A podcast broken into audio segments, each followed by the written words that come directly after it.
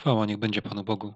Na początek chcę powiedzieć, że bardzo się cieszę z tego i uznaję to za łaskę i przywilej, że mogę nagrywać to słowo, które Pan Bóg mi pokazuje i że mogę się tym dzielić. I pragnienie mojego serca jest to, żeby było to dla zbudowania i posilenia dla każdego, kto tego słucha. Tak dzisiaj chciałem się podzielić słowem takim z historii Gedeona. Historia ta rozpoczyna się w Księdze Sędziów, szóstego rozdziału. I tak przeczytam na początek trzy wersety. Księga Sędziów, rozdział szósty, od drugiego do czwartego wiersza. A gdy się wzmogła przemoc Midianczyków nad Izraelem, poczynili sobie synowie izraelscy przed Midianczykami podziemne lochy w górach, jaskinie i warownie. I zdarzało się, że gdy Izrael zasiał, nadciągali Midianczycy i Amalekici i ludzie ze wschodu i napadali go. Rozkładali się u nich obozem i niszczyli plon ziemi aż do okolic Gazy i nie zostawiali w Izraelu żywności ani owcy, ani wołu, ani osła. Tym chciałem rozpocząć, bo ten fragment pokazuje, w jakich okolicznościach e, czy w jakich warunkach żył Gedeon. Pokazuje to tło. Chcę powiedzieć, że my żyjemy w takich samych czasach, w jakich żył Gedeon. To samo się dzieje wokół nas. I o tym mówią właśnie te wersety, które przeczytałem. I już tutaj chcę wyjaśnić, co mam na myśli. Mianowicie czytamy tutaj w drugim wersecie, że gdy się wzmogła przemoc Midianczyków nad Izraelem, wzmogła się przemoc. Ja uważam, że to widać wokół nas, że przemoc nad Bożym ludem, nad wszystkim tym, e, co jest Boże, że ta przemoc się wzmaga nieustannie poprzez te wszystkie rzeczy, które się dzieją wokół, poprzez kulturę. To jest taka przemoc, którą jesteśmy atakowani z każdej strony, czy poprzez media, czy poprzez to cokolwiek, filmy, piosenki jakieś, billboardy na ulicy, reklamy, wszędzie, gdziekolwiek człowiek się nie odwróci, to jest atakowany przez ten system taki, który jest wrogi Bogu, prze, przez to wszystko, co jest wrogie Bogu. Wszędzie jest pełno erotyki jakiejś, promowane są wartości, które są całkowicie dalekie Bożym standardom i to jest wszystko taka przemoc, która na nas jest wywierana i to czynią ci Midianici. I mamy tutaj też napisane, że zdarzało się, że gdy Izrael zasiał, nadciągali Midianczycy i Amalekici i ludzie ze wschodu.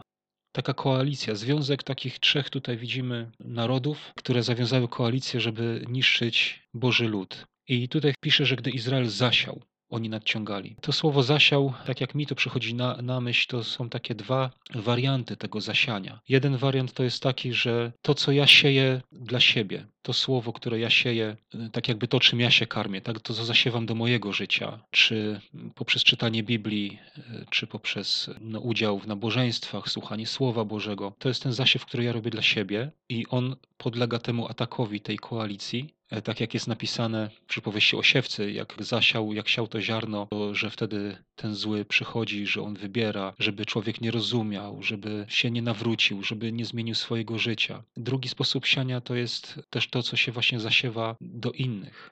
Czyli tak, no ja to tak rozumiem, że no na przykład ja czytam sobie Słowo Boże, karmię się tym Słowem, a potem koalicja robi wszystko, żeby mi to Słowo gdzieś wytrącić, to co ja przyjąłem, żeby gdzieś, gdzieś wytrącić przez te właśnie wszystkie rzeczy, które się dzieją wokół, te, przez to wszystko, czym jesteśmy bombardowani. A z drugiej strony to jest to, jak komuś się głosi Ewangelię, jak komuś się mówi o Panu Bogu, to tak samo ta koalicja robi wszystko, żeby ten zasiew serca tego człowieka usunąć i zniszczyć, żeby nie przyniosło plonu, żeby człowiek zginął, bo to jest taki plan ten zasiew, który robili Izraelici, to to miało być jego wyżywienie, to miało być dla ich życia i to było niszczone przez tą koalicję. I chciałem jeszcze tylko powiedzieć, pokazać, e, czym się charakteryzowali. Na przykład Midianczycy. O Midianczykach możemy przeczytać w czwartej Mojżeszowej 25:18.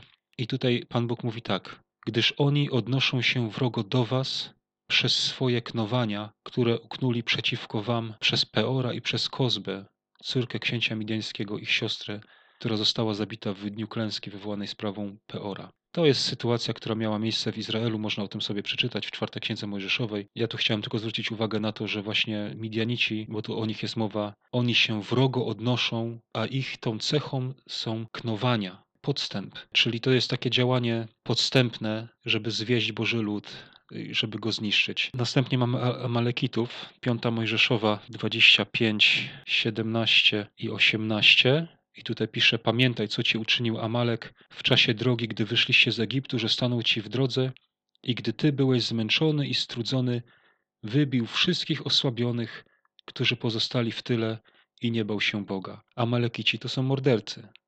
Ich celem jest po prostu zabić Boży lud, wyłapać tych, którzy są osłabieni, którzy pozostają gdzieś w tyle, którzy są zmęczeni i strudzeni, to oni ich atakują i zabijają. Jest jeszcze jedna cecha, pierwsza Samuela 15:2 i tu jest napisane: Chcę pomścić to, co uczynił Amalek Izraelowi, stając mu na drodze, gdy wychodził z Egiptu. To jest taka kolejna cecha Amalekitów. Stają na drodze, gdy wychodzili z Egiptu. On stanął na drodze, czyli sprzeciwił się temu. To można też odnieść właśnie do nawracania się człowieka, jak człowiek e, chce porzucić grzeszne życie, jak człowiek chce nawrócić się do Boga, to e, Amalekici stają mu na drodze, sprzeciwiają się temu i chcą, żeby do tego nie doszło. Kolejną rzeczą są ludy wschodu, i e, te ludy wschodu to ten cały napływ, który jest dzisiaj tych wschodnich filozofii z hinduizmu, z buddyzmu, New Age i, i te wszystkie tego typu wierzenia taki mistycyzm, e, medytację. To jest taka koalicja, która przeprowadza swój atak. Chcę powiedzieć, że, to, że taka sytuacja nie miała miejsca tylko wtedy, za czasów Gedeona, ale że tak jest też dzisiaj. Do czego chcę zmierzać? Do tego, że pomimo, że w tamtych czasach były takie warunki, to tam był człowiek taki jak Gedeon, na którego Pan Bóg zwrócił swoją uwagę, którego Pan Bóg wybrał do swojego dzieła, i tak samo wierzę, że właśnie w dzisiejszych czasach, w tych warunkach, które my dzisiaj mamy, tak samo mogą być i są ludzie, których Pan Bóg będzie wybierał do swoich dzieł. I ci ludzie się czymś cechują. I chciałem o tym powiedzieć. Teraz przeczytam Księga Sędziów, rozdział 6, 11 i 12 wiersz. Pewnego razu przyszedł anioł pański i usiadł pod dębem, który był w Ofra, a należał do Joasza, potomka Abiezera, podczas gdy Gedeon, jego syn, wyklepywał pszenicę w tłoczni winnej, aby ją zabezpieczyć przed Midianczykami. I ukazał mu się anioł pański i rzekł do niego, Pan z tobą, mężu waleczny. Tu jest taka pokazana pewna cecha Gedeona, który właśnie w tych czasach, e, w jakich żył, no on się czymś zajmował. Widzimy, mamy tutaj pokazane, że wyklepywał pszenicę w tłoczni winnej. I tutaj miałem kilka takich myśli na ten temat. Po pierwsze, wyklepywał pszenicę. To co to znaczy? To znaczy, że no, oddzielał ziarno od plewy. Czyli, no mogę powiedzieć, troszczył się o to, żeby mieć czyste ziarno. E, ziarno to jest coś, w czym jest życie. W plewach nie ma życia. Plewę, gdyby zasiać, to nic z niej nie wyrośnie. Życie jest w ziarnie i on się troszczył o to, aby mieć to ziarno. To czyste ziarno, które przynosi życie, w którym jest życie. I teraz jest takie pytanie, czy może taka myśl, że no my w tych czasach, my chrześcijanie w tych czasach, które dzisiaj mamy, możemy robić to samo. Pomimo tych wszystkich ataków, pomimo tej przemocy, e, która się właśnie z koalicji tych e, trzech sił duchowych, która uderza na, na lud, na Boży lud, to my możemy troszczyć się o to i dbać o to, żeby chronić zachowywać, że tak powiem, tą pszenicę, tą czystą pszenicę, pozbywać się plewów ze swojego życia, ale też oddzielać e, to, co te plewy, które są e, z wszelkich różnych nauk, troszczyć się o to, żeby mieć po prostu to czyste ziarno, pozbawione plew. Drugą taką myślą, którą mam tutaj, to jest to, że oni niszczyli, ci Midianici i ci wszyscy, oni niszczyli to pożywienie, które miał Izrael, a jednak Gedeon miał pszenicę skądś ją miał. I tutaj właśnie e, jest taka myśl, że on to robił w tłoczni winnej. Z tego co wiem, i chyba powszechnie wiadomo, że tłocznie winne były budowane w winnicach, a winnica to od razu mi nasuwa skojarzenie kościoła, ludu Bożego. I taka tutaj myśl, że chociaż na zewnątrz panuje ta przemoc, te wszystkie Boże wartości są niszczone, robione jest wszystko, aby ludzi od Boga odciągnąć, aby od ludzi, ludzi od Boga oddalić, aby ich zabić, aby ich uśmiercać. Tam, gdzie nie ma tego jedzenia, tego pokarmu, że jest niszczony ten, ten zdrowy, prawdziwy pokarm, to w kościele, w tej tłoczni winnej, u Bożego ludu jest pszenica. Jest ten pokarm. Jest tam co jeść. Pan Jezus to zaopatruje. I to jest takie dla mnie wspaniałe, że Pan się troszczy o swój lud i daje im pokarm, chociaż na zewnątrz jest tak, no to jest tak jak jest. Kolejną rzeczą, jaką jest e, to oddzielanie plew od ziarna, to też ja myślę, że to jest taka praca przy tym, żeby dojść do czystości nauki, bo dzisiaj mamy wiele różnych nauk, z różnych miejsc przychodzą i są przeróżne. To przekładanie się i ten pewien wysiłek, bo to wyklepywanie pszenicy to, to nie było też takie, że sobie siedział. Nie? On po prostu wkładał w to wysiłek, żeby oczyścić to ziarno i to właśnie też tak, żeby odłączyć te wszystkie niewłaściwe, błędne, złe, ludzkie nauki, to też do tego trzeba wkładać pewien wysiłek. Mi bardzo zależy na tym i ja bardzo chciałbym tak i staram się tak robić, żeby właśnie te moje nagrania i to, co ja robię, żeby właśnie one było pozbawione tych takich plew, tych takich ludzkich rzeczy, które gdzieś tam są ode mnie. Chciałbym, żeby tego było coraz mniej, aczkolwiek zdaję sobie sprawę, że może tak jeszcze nie być. Ale modlę się o to i, i zależy mi na tym. Już chciałbym po prostu głosić właśnie Słowo Boże takie czyste, takie, w którym jest życie, tak jak te, to ziarno tutaj, tak jak ta pszenica właśnie wymucona, żeby było czyste, tylko to, w czym jest życie, tylko to, co jest przydatne, to, co jest pożyteczne, to, co przyniesie pożytek słuchającym. Kolejne miejsce tutaj to właśnie jest takie powiedziane do Gedeona. Anioł mu powiedział: Pan z tobą, mężu waleczny.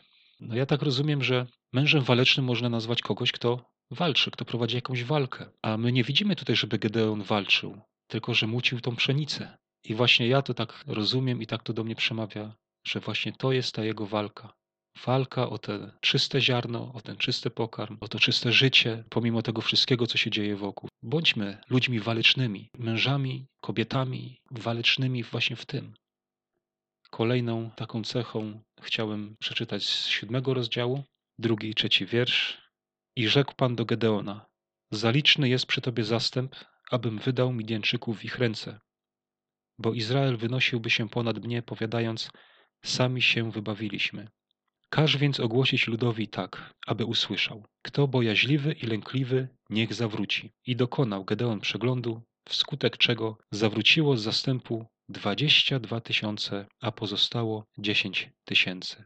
Ja wierzę, że nikt nie chce być nazywany lękliwym, bojaźliwym. Nikt się nie chce tak do tego przyznać, że jestem lękliwy. Czy ktoś z nas przyznałby się do tego, czy ktoś z nas by tak powiedział: Jestem lękliwy, jestem bojaźliwy, wracam do domu.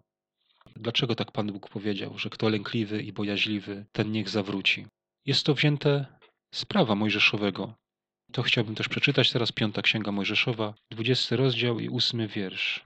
I tutaj jest powiedziane tak, to, są, to jest takie prawo dotyczące wojny, gdzie Pan Bóg nakazuje Mojżeszowi, jak mają się zachowywać idąc na wojnę. I tak jest tutaj powiedziane między innymi, jeżeli ktoś jest bojaźliwy i lękliwego serca, niech idzie z powrotem do swego domu, niechaj nie osłabia serca swoich braci jak swoje. Słabość serca. Dlaczego Pan Bóg nie chciał mieć w swoich szeregach takich właśnie ludzi? Bo osłabiają serca. Swoje serca mają osłabione. Powiedziałbym, że to jest pewien rodzaj zepsutego serca. Teraz nie jestem pewien, ale wydaje mi się, że w innych przykładach jest właśnie użyty taki zwrot, że psują serca, że ten bojaźliwy człowiek psuje serce innych. Pan Bóg takich ludzi w swoich szeregach nie chciał mieć. No jest takie pytanie teraz, no jak sprawdzić to, czego to dotyczy? Bo dzisiaj nie mamy ani wojen, ani walk. To jakie to jest to bojaźliwe i lękliwe serce? No i takie porównanie, które ja mam na myśli, to jest tak na przykład. Jesteśmy w zgromadzeniu i nagle pada z ust pastora czy przewodzącego, że jest potrzeba na przykład złożyć się finansowo na jakąś potrzebę. Na przykład jakiś brat, siostra, jakieś zdarzenie losowe mieli, e, potrzebują pieniędzy. No i teraz jaka jest postawa? Są tacy, którzy dadzą chętnie, ale jest też taka postawa, a czemu ja mam dawać? A może wystarczy, jak ci inni dadzą, to wystarczy, co ja, po co ja mam dawać? A psucie serca innym, a po co będziesz dawał? Przykładowo mąż z żoną siedzi, albo jacyś przyjaciele bliscy, a po co będziesz dawał? Albo jest potrzeba na przykład, żeby coś zrobić, coś na przykład, no nie wiem, przygotować, posprzątać, pomalować, cokolwiek, w coś się zaangażować. I tu taka wtedy postawa się może przejawiać. A co ty będziesz? A po co? A czemu ty masz to robić? A czemu ja mam to robić? I czeka się z takim oczekiwaniem, żeby ktoś się zgłosił na tam na tego ochotnika i jak się zgłosi, to taka ulga. Uf, nie, już nie muszę. Ja myślę, że to jest właśnie tego typu postawa. Podczas gdy uważam, że wierzący szczerzy powinni być pierwsi ochotnie pomagać, ochotnie wspierać, ochotnie łożyć na jakieś potrzeby, jak są bojaźliwych i lękliwych, co mają zepsute serce i chcą psuć serca innych, Pan Bóg nie chce mieć w swoich szeregach. Odsyła ich do domu. I jeszcze tak, taką mam myśl, że ci bojaźliwi i lękliwi nie odeszli sami. To musiało być zapowiedziane. Tak mi to gdzieś przechodzi na myśl, że po prostu to jest taka postawa serca, która tylko oczekuje właśnie tego, żeby móc zawrócić, żeby nie musieć nic robić. Teraz mogę odpuścić, uf, nareszcie, mogę spokojnie wrócić. No bo tak e, samemu od siebie to wstyd zawrócić, nie? A tutaj czytamy 22 tysiące ludzi oni zawrócili. 22 tysiące ludzi czekało na to, żeby mogli wrócić do swoich domów, żeby nie, nie musieć nic robić. Następny fragment. Od czwartego do siódmego wiersza. I rzekł Pan do Gedeona, jeszcze zastęp jest zaliczny. Sprowadź ich w dół nad wodę, a zamiast ciebie ja ich tam wypróbuję, o którym ci powiem, ten pójdzie z tobą, pójdzie z tobą. Żaden zaś z tych, o którym ci powiem, ten nie pójdzie z tobą, nie pójdzie. Sprowadził więc zastęp nad wodę. Wtedy rzekł Pan do Gedeona, każdego, który chłeptać będzie wodę językiem, jak pies chłepce, odstaw osobno. Tak samo każdego, który klęknie na kolana, aby pić. A liczba tych, którzy chłeptali wodę z ręki przy ustach, wyniosła trzystu mężów. Cała zaś reszta zastępu klękała na kolana, aby się napić wody. Pan mówi: Ja ich wypróbuję i każe ich przyprowadzić przed wodę. I co tutaj czytamy takiego ciekawego? Jedni brali wodę do rąk i przykładali ją do ust i tak pili, a inni klękali, pochylali się nisko i pili wodę prosto ze zbiornika. I Pan Bóg wybrał tych, którzy brali wodę w swoje ręce i przykładali do ust i pili. Dlaczego tych właśnie Pan wybrał? Przecież każdy z nich pił tą wodę, więc w czym tutaj tkwi te kryterium Bożego wyboru? Wielu jest ludzi takich jak ci, którzy klękają, pochylają się, piją tą wodę, ale rękami swoimi nie dotykają. Klękanie to jest poza religijna. Oni musieli uklęknąć, oni musieli poniżyć, pochylić swoją głowę nisko, żeby się napić.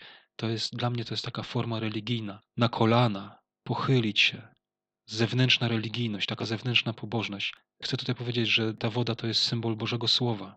Mają na ustach tą wodę, klęczą, ale ręką swoją nie dotkną, czyli nie wykonują, nie, nie przykładają ręki do tego, nie moczą sobie tych rąk tą wodą, aby wykonywać to, co jest powiedziane. A ci, których Pan wybrał, to byli ci, którzy może nie klękali, nie byli pozerami takimi religijnymi, ale mieli wodę i w ustach, i w rękach swoich. Nie bali się pomoczyć sobie rąk, pochylić się, wziąć wodę w ręce i przyłożyć do ust. Jakie jest moje podejście do Bożego Słowa, do Bożej nauki, do tej wody żywej? I tak samo czytamy. Przez tych trzystu, którzy chłeptali wodę, wybawię was, a cała reszta niech idą do swoich miejscowości. Nie chce Pan Bóg mieć w swoich szeregach takich ludzi. Kolejna rzecz, która tutaj jest napisana. Zabrali tedy z sobą żywność dla zastępu i swoje trąby, a resztę zaś mężów izraelskich odesłał do domów. To jest werset ósmy. Szli na wojnę. Szli walczyć z Midianitami. A co wzięli z sobą? Żywność i trąby. A gdzie miecze? A gdzie tarcze? A gdzie oręż wojenny? Gdzie rynsztunki? Na co to wskazuje? Na ich ufność do Boga. Ufność do Boga cechuje tych ludzi, których Pan Bóg wybrał do swoich szeregów. A druga rzecz też, którą tu chcę powiedzieć z tego, z tego fragmentu. Tejże nocy rzekł Pan do niego: Wstań, wtargnij do obozu, gdyż wydałem go w ręce Twoje. To jest dziewiąty wiersz. Tej nocy rzekł Pan do niego: Skoro Pan Bóg miał wybawić Izraela, jaka to różnica? Skoro Bóg jest wszechmocny, jaka to różnica, czy by to uczynił w dzień, czy w nocy? Czemu akurat musiał przerywać sen Gedeonowi i tym wszystkim ludziom. Tej nocy Pan powiedział wstań. Tutaj Gedeon sobie śpi, ludzie śpią i Pan go budzi wstań.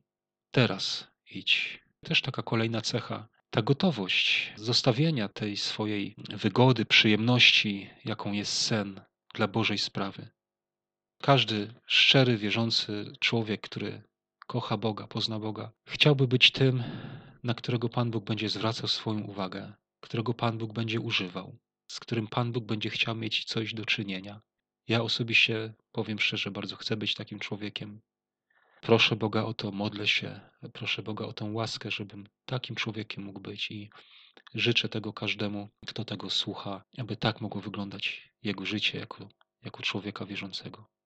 Życzę Bożego błogosławieństwa. Niech imię naszego Pana Jezusa Chrystusa we wszystkim będzie uwielbione, wywyższone Jemu niech będzie chwała. Amen.